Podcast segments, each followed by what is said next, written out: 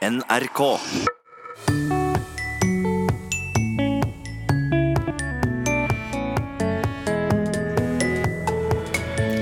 Liker du etternavnet ditt? Navnet mitt er Tveikra. Jo, jeg liker det godt, fordi det er jo ganske sjeldent. Og etternavn som dette gjør oss nordmenn litt spesielle. Norge utmerker seg altså med de suverent mest varierte etternavnene i Skandinavia. Silkeveien og sjøfarten brakte med seg de flotteste stoffer til landet vårt, med navneopphav fra fjerne land. Vi har eh, Organza, som er eh, en by i Usbekistan som heter Urgenj. Vel møtt til Språkteigen. Hvordan har det seg at danska har de kjedeligste etternavna i Europa? Hvorfor ble botaniske sammensetninger så populært i svenske etternavn? Og hvordan endte vi i Norge opp med de mest varierte etternavna i hele Skandinavia? Tveikra. Jeg må ofte stave det. T-v-e-i-k-r-a. Thoresen. Sønstagen. Jeg er stolt av etternavnet mitt. Mm. Nei, jeg syns jo det er fint, da. Navn speiler jo historien. Det har vi hørt om stedsnavn, og slik er det òg med etternavn. Og Arne Torp, du har skrevet bok om etternavna våre. Og først av alt, hvorfor ei slik bok? Ja, det er kanskje et godt spørsmål, som de sier. Ja. Eh, En kollega av meg som heter Olav Veka, har skrevet ei bok som heter Norsk etternavnsleksikon. Den er på over 600 sider. Og eh, folk som vil finne et nytt etternavn, eller finne ut av etternavnet deres kommer av, bør nok heller lese Veka 2016, og ikke Torp 2018. Ok. Nei. For min bok er på under 200 sider, og den handler om etternavn som et mer allment fenomen. Og den fungerer derfor dårlig som oppslagsbok for den som vil finne igjen sitt eget etternavn. Da må jeg nok mye heller anbefale Vekas bok. Ja, og når du sier allment fenomen, så ser du mer på historien og hvordan etternavna oppsto. Ja, det er viktig å være klar over at vi i dag, det vi i dag regner som etternavn, det er et forholdsvis nytt fenomen. Historisk sett er det fornavnet vårt som er det egentlige navnet, mens alle slags etternavn er egentlig tilnavn. da. Og disse her tilnavnene, eller tillegga, de kan være motivert eh, på forskjellig vis. F.eks. personlige trekk, sånn som i historien så kjenner vi om Olav Digre og Helga den fagre. Det er folk fra norrøn tid. Så har vi yrkesbetegnelse, sånn som Jakob Skomaker og Nils Smed. Eh, Slike etternavn er ganske sjeldne i Norden, men de er veldig vanlige i flere andre europeiske eh, språksamfunn. Eksempel Schmidt på tysk, og Smith på engelsk. Det er jo smeden, da. Ja, og så har vi da identitet som er knytta til stad, da. Et adressenavn, kan vi si. Knut Berg, Jens Bakken. Og eh, så har vi da endelig farsnavn, eller patronym med et fremmedord. Sånn som Einar Gerhardsen og Anne Knutsdotter. Og så er det jo slik at uh, dotternavna, som Anne Knutsdotter, da, de fins så å si ikke mer. Mens sønn- eller senn-navna, som Knutsen for eksempel, er mer vanlig. Og da skal vi til Danmark, Arne. Landet med en kjedelig europarekord. Hva skjedde der? Kanskje vi skal eh, ta den der eh, foranden som kom i 1828 i Danmark, for det var der det på en måte starta, da. Den loven som kom da i 1828, den har den danske navneforskeren Eva Villarsen Melgaard utropt til verdens korteste navnelov. Og i paragraf 18 i den forordning om atskillig som i henseende til dåpen i marktaget, der heter det blant annet sånn. I øvrigt bør hvert barn ved dåpen benevnes ei alene med fornavn, men òg med det familie- eller stamnavn som det i fremtiden bør bære. Og Året etter så fikk denne bestemmelsen et tillegg som gikk ut på at alle patronymene, alle farsnavnene, skulle ende på send, uavhengig av kjønn. Og dermed så var de gamle systemet med senn, eh, som betyr sønn, og datter, det var blitt rett og slett blitt ulovlig i Danmark. De nye etternavnene som nå ble påbudt, var et felles send-navn for alle i en søskenflokk, samme og kjønn det var. Hvis Ole er sønnen Hans, så blir det fulle navnet altså Ole Hansen. Men ikke bare Oles brødre får etternavnet Hansen, men det samme for òg Oles søstre, Eva Hansen osv. osv. Og når Ole Hansen igjen får sønner eller døtre, så får de òg etternavnet Hansen, trass i at ingen av dem var sønner av Hans. Eh, Dermed er Hansen blitt et såkalt stivna patronym. Det sier ingenting lenger om farens navn, slik et ekte patronym gjør. Men da var det jo veldig god orden på etternavna i Danmark da når alle i søskenflokken fikk samme etternavn. Da visste alle hvor de hørte hjemme. Var ikke det bra da? Ja, det var det de tenkte, da. Ja. Og Den var det kort og fyndig formulert, denne her, men den hadde dessverre ikke den virkninga som myndighetene hadde håpa på. Eh, For eh, de ville ha et navnesystem som mer entydig kunne identifisere hvert enkelt individ. Og på slutten av 1800-tallet så hadde enda mellom 70 og 90% av danskene et sennavn som offisielt etternavn.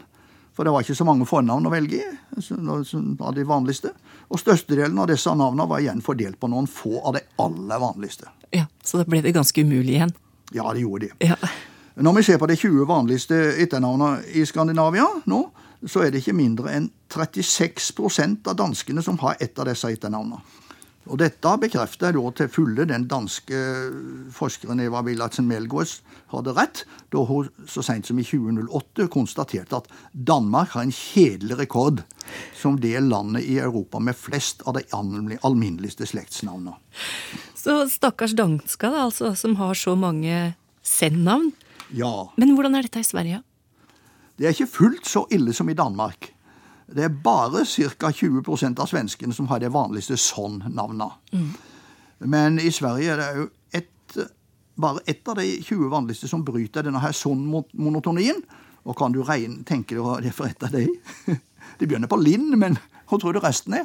Lindgren, da, kanskje? Det er jo et kjent svensk navn. Ja, ja, ja. Det var ikke verst gitt av det, men det er litt feil. For det er Lindberg. Og dette svenske etternavnet ser jo ut som det kunne være et navn på linje med norske gårdsnavn som Lindland og Lindstøl og sånn, men sånn er det ikke. For Lindberg hører til en svensk navnefamilie med både botaniske uproblematiske sammensetninger, som Lindgren og Lindqvist. Ei lind har jo både greiner og kvister. Ja. Men òg noen sånne botaniske merkverdigheter som granløv.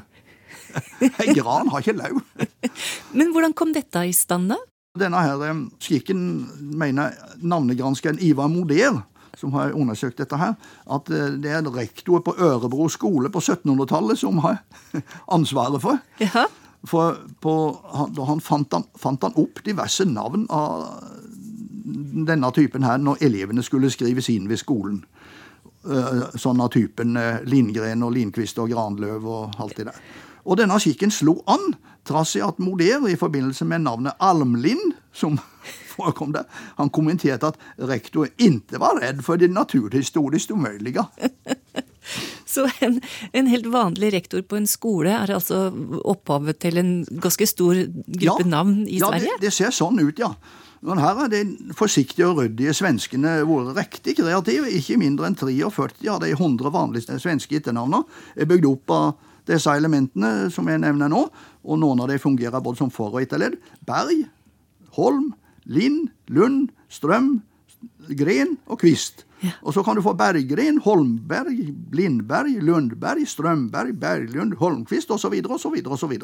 Og sånn har altså svenskene unngått å havne i den danske hengemyra med altfor mange like uh, sånn-navn, eller patronymer, uh, som etternavn. Men da har vi vært i Danmark og vi har vært i Sverige, hvordan er det i Norge da? Er de vanligste norske etternavnene like kjedelige som i Danmark og Sverige? Å nei da, slett ikke. Nei da, i Norge er det bare 16 av de 20 vanligste etternavnene som er send-navn. Og hvis vi ser på mange prosent av hele folket i Norge som har de 20 vanligste etternavnene, så utgjør de bare 10% av alle nordmennene. Mens det tilsvarende tallet for Sverige er altså omkring det dobbelte, ca. 20 Og som sagt var det ikke mindre enn 36% av alle dansker som er et av de 20 vanligste danske etternavnene. Norge utmerker seg altså med de suverent mest varierte etternavnene i Skandinavia. Vi fikk vår første navnelov i 1923, og det var en annen type navn som vant fram og skapte variasjon blant våre etternavn. Tveikra. Jeg må ofte stave det. Det er fra Nordmøre. For min farfar, han het egentlig Pedersen, og så ville han bytte for å få noe mer som, holdt, som passa til stedet han kom ifra. Da. Og det het Tveikrem, eller ja, Tveikrem der. Så gjorde de det til Tveikra, eller Tveikra, da. Det ble vanlig å bruke gårdsnavn som etternavn, og flere slike finner vi igjen blant de mest populære etternavna våre. Jo da, nå skal du høre at de fire norske etternavnene av de 20 mest frekvente som ikke er send-navn, det er nummer 14, som er Berg, 15 Haugen, 16 Hagen og 20 Dal. Og alle disse navnene er eller kan være norske gårdsnavn. Etternavnet Sønstagen, hvordan oppstod det? Det tror jeg oppstod ved at min eh, oldefar, han heter Bernhus til etternavn. Og de ungkullet etter han, de tok da forskjellige etternavn. Eh, Noen tok Sønstagen, noen tok Søsæter, og noen beholdt Bernhus-navnet. Eh, Navneforskeren Kristoffer Kruken han svare, svarte bl.a. sånn da jeg spurte han om hvorfor gårdsnavnene er blitt så viktige som etternavn i Norge. Nå siterer jeg. Ja. Da slektsnavn ble en fast kategori, altså ikke bare adresse, lå det både funksjonelt og skrifthistorisk nært å la adressenavnet eller gardsnavnet bli fast etternavn. Denne overgangen hadde òg støtte i den nasjonsbyggende ideologien, der bøndene ble hylla som ryggraden i norsk nasjonal kultur. Gardsnavna fikk altså på flere måter et overtak over andre navnetyper. Og nå vil jeg sitere ei strofe av diktet 'Etterarv' av gudbrandsdølen Tore Ørjasæter, som sier dette veldig flott. da. Å sitja på garden, sånn etter faren, det er nå den likeste lagnar for karen. Og dette er altså hovedgrunnen til at vi nordmenn er blitt skandinaviske avvikere når det gjelder etternavn. Gårdsnavna står langt sterkere som etternavn her enn i nabolandene. Hva synes du om etternavnet ditt? Jo, jeg liker det godt, fordi det er jo ganske sjeldent, og det liksom definerer meg og min familie. Det er faktisk ingen andre i landet enn min familie som har det navnet. Kan du si meg hele navnet ditt? Sara Dørstad Jacobsen. Liker du etternavnet ditt? Ja, jeg syns jo det er fint, da. Jeg er stolt av etternavnet mitt. Møter du på mange som heter det samme som deg? Dårstad veldig sjeldent, men eh, litt oftere, oftere Jacobsen. Hva er etternavnet deres? Sønstagen. Du kan også se Synstauan. Skal du se det ordentlig på dialekt, så er det Synstauan. Men det er mest for moro. Egentlig. Så jeg heter jo egentlig Sønsthagen. Det er ikke bare gårdsnavn, men òg dialekt som setter preg på oss nordmenn. Vi hadde med oss språkforsker, og nå forfatter, Arne Torp, og reporter Michelle Tveikra hadde spurt folk om dems forhold til etternavnet sitt.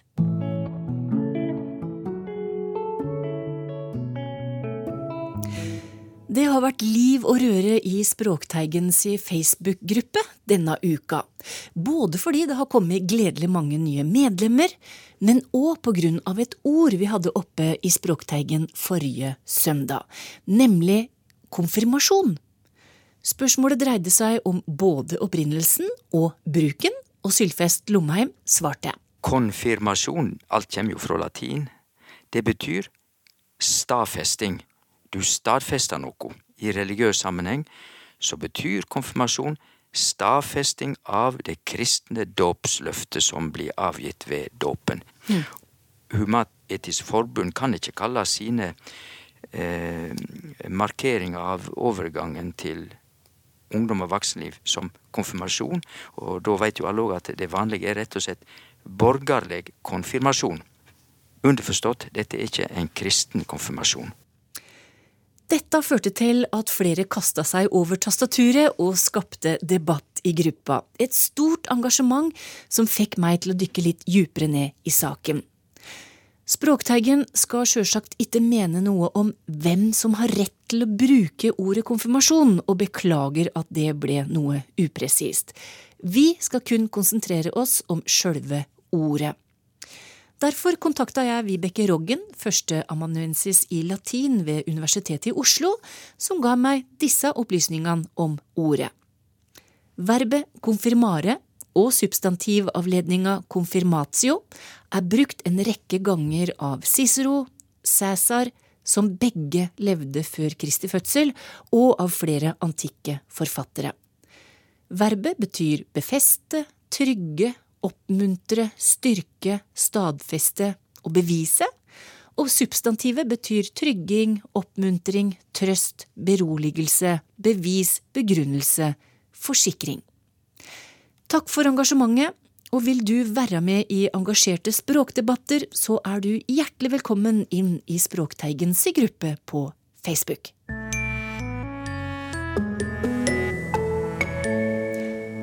Skal vi til det fjerne Østen og tilbake i tid. Til da Silkeveien var verdens viktigste handelsåre, og skikker og varer ble fraktet med karavaner for å ende opp på nye steder. I serien vår om søm og språk skal det i dag handle om stoffer.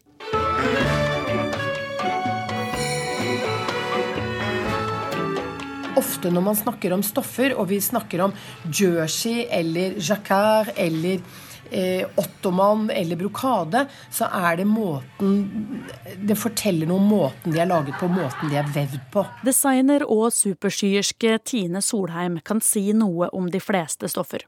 Åssen de kinnes ut, åssen de oppfører seg, og åssen de er laga. En jersey for eksempel, er jo faktisk ikke vevd i det hele tatt. En jersey er et strikket stoff. Og det ble vel omtrent funnet opp på øya Jersey i England, tror jeg. Eller du har sikkert en eller annen ekspert som kan alle disse historiene. Ikke noen hvilken som helst ekspert hell, men Kristine Mecklenborg Salvesen, som er førsteamanuensis i fransk ved Universitetet i Oslo.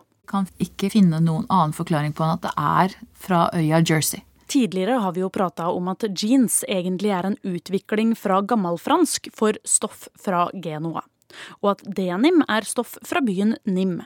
Så at stedsnavn, tradisjoner, kunnskap og navn henger sammen, det gjelder mange stoffer. Skal vi ta en tur til Kina, kanskje? Kina er et godt utgangspunkt for handelsvarer som skar fra øst til vest, så vi begynner der.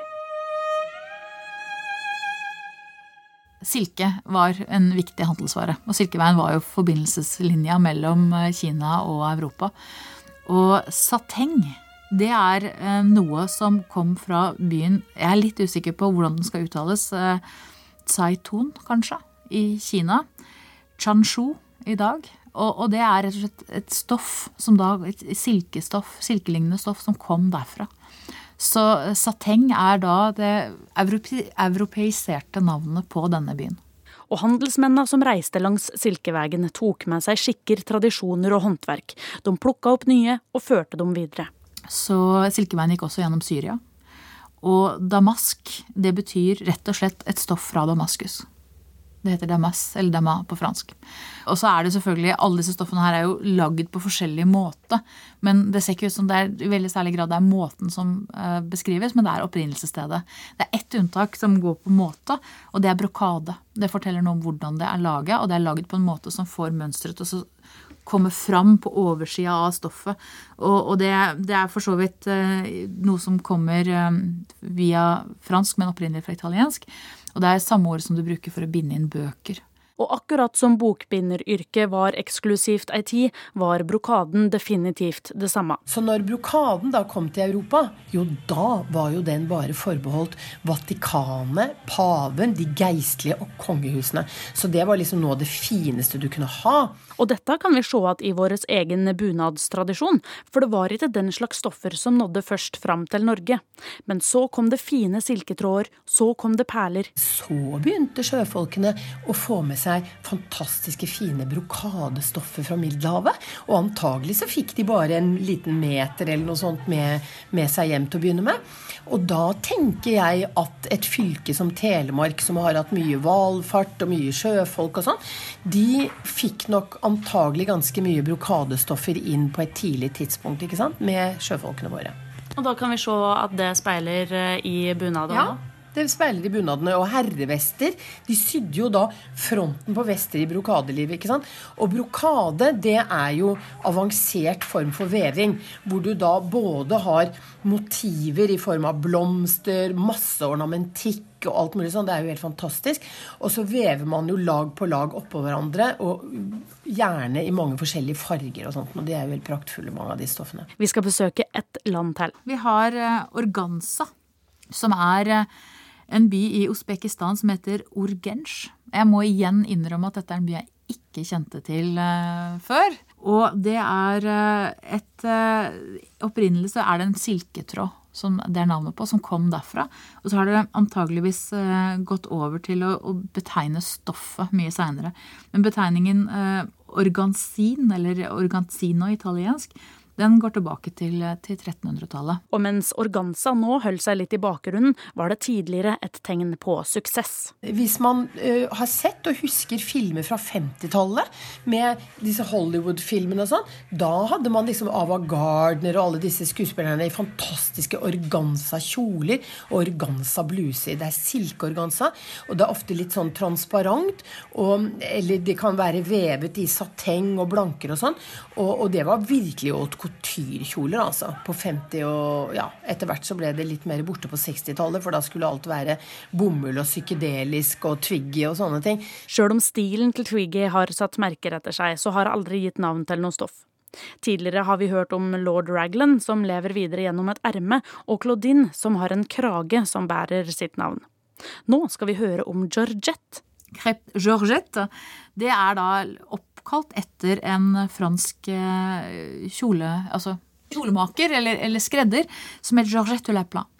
Claudine og Ragland og Crepe Georgette er da oppkallinger etter personer. Crepe det betyr egentlig at det er litt sånn krøllete og litt sånn ujevn overflate på. Og eh, på et eller annet vis så må dette her crepe ha samme opprinnelse som pannekaker. Som også betyr crepe, heter crepe på fransk. Uh, og da kan jeg bare gjette at det også har en litt sånn ujevn overflate når du steiker det. Og så, og så, ble, det det så ble det det samme på et eller annet vis. Men det er altså ingen, det er ikke noe spiselig over stoffet krepp. Det er det ikke. Dette var krepp. Jeg klarer nesten ikke å fortelle hva det skal handle om neste uke. Pass på alert. Pass poliert. Pass på. Ja. Pass på lommer. Pass på lommer. Pass poil. Det er fransk igjen. Pass poil. Tine Solheim, designer, og Kristine Meklenborg Salvesen, førsteamanuensis i fransk, er våre fagpersoner i serien om søm og språk. Reporter Helle Therese Kongsrud. Det skal fortsatt handle om ord, for vi har kommet fram til dagens lytterspørsmål. Toril Oppsal er klar til å svare, og første spørsmål kommer fra Harald Harnang. Han mener at vi mangler et godt norsk ord for det svenske overgivne platser. Et herlig ord, syns han, som brukes om bygninger som er forlatt og overgitt til naturens gang. Hva har vi på norsk, spør han, og mener at ruin er det nærmeste, men på langt nær dekkende. Hvordan kan vi lage et dekkende, godt norsk ord? Ja, Altså, Det mangler ikke på redskapene, for å si det på den måten. fordi vi, vi, har jo verbet overgi, også, ja. også, på norsk. Altså, Vi bruker det både om noe at man betror en annen ansvar for noe, og også når man må avstå noe eh, til en fiende. Når vi er ute og leker, mm. så kan vi jo finne på å si 'overgi deg'. ja. Så det er den refleksive bruken som, som, er særlig utbredt når det gjelder det verbet. Og så har vi flere beslekta verb. Vi har 'oppgi', eh, som også har en god del av de samme eh, betydningsnyansene, men, men den partisippformen der, oppgitt, den, den gir litt, litt, andre assosiasjoner. Ja. Eh, men en frase som er ganske mye brukt, det er rett og slett 'forlatte steder'. Om denne formen for, eh, for steder. Og øde plasser kan vi vel også bruke. Mm. Og i mer konkrete eksempler så har de også blitt omtalt som spøkelsesbyer. Vi har adjektivet gudsforlatt. Eh, som, som, som, også betegner avsidesliggende og, og, og øde, øde, steder. Så, så, forlatte steder er vel det nærmeste jeg har funnet overgivende av plasser. Men, men, men, eh, men, det er ikke noe i veien for å bruke det på norsk heller. Men du, du, du får nok ikke en like tydelig uh, og klar framstilling av hva du, hva du ønsker. Hvor kommer ordet pladask fra? Som for eksempel han falt pladask for ho, eller han snubla og gikk pladask på huet. Det er Jan R. Lien som spør. Pladask er et uh, dobbelt plask. Eller i hvert fall et uh, utvida plask.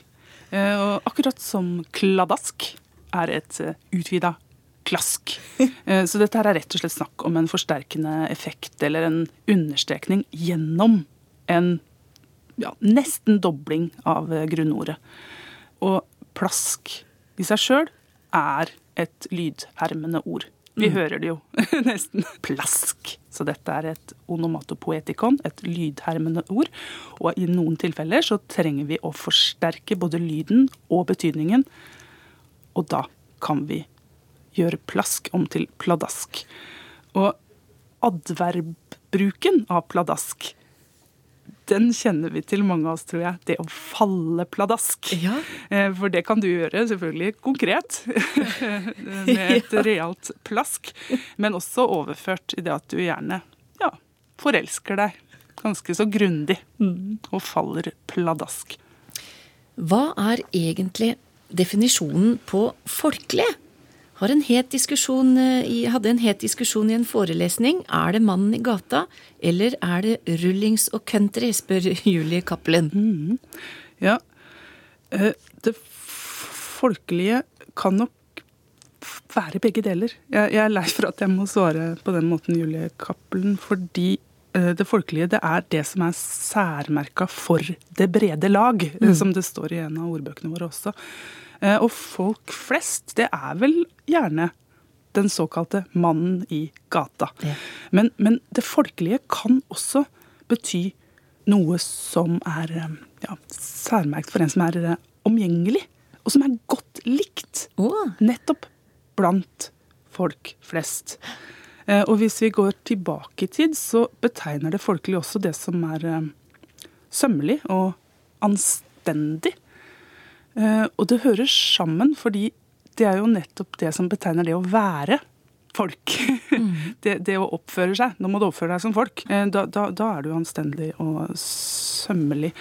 Og så har dette adjektivet både positive og mer negative konnotasjoner knytta til seg. Fordi eh, du vil jo gjerne være endefram og naturlig. Eh, Men samtidig så er det jo noe med å skille seg ut og slippe å bli assosiert med folk flest. Eh, Og den samme tvetydigheten opplever i hvert fall jeg at, eh, at vi kan knytte til ordet populær. Som nettopp også betyr folkelig.